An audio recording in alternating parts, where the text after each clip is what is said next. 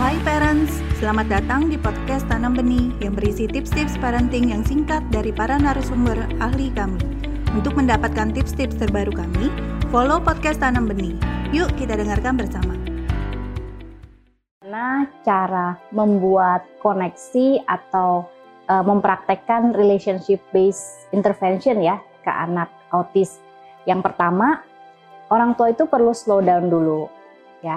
Kalau orang tua itu masih cemas, masih sulit menerima kondisi anaknya, biasanya itu sulit untuk connect sama anak.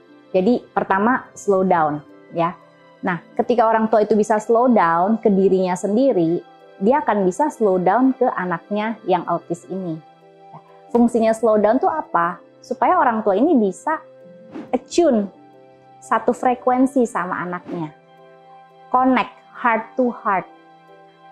Jadi kalau dirasakan ya, itu bisa indikasinya itu ketika lagi sama anak ya, aktivitas apa aja, mau main glutik-glutikan gitu ya, mau mau jalan-jalan bareng aja sambil pegangan tangan gitu ya, atau mau ya mau ngobrol aja dengan level bahasa yang dipahami anak gitu ya, atau makan snack sama-sama.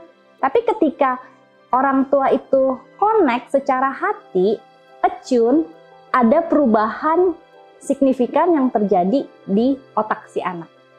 Anak itu akan merasa secure, anak itu akan merasa mama papa itu sayang dia unconditionally ya, tanpa syarat gitu ya. Dan itu yang akan bikin dia berprogres dalam banyak hal. Pertama slow down, dari slow down tadi yang kedua connect sama anak zona koneksi kita bilangnya.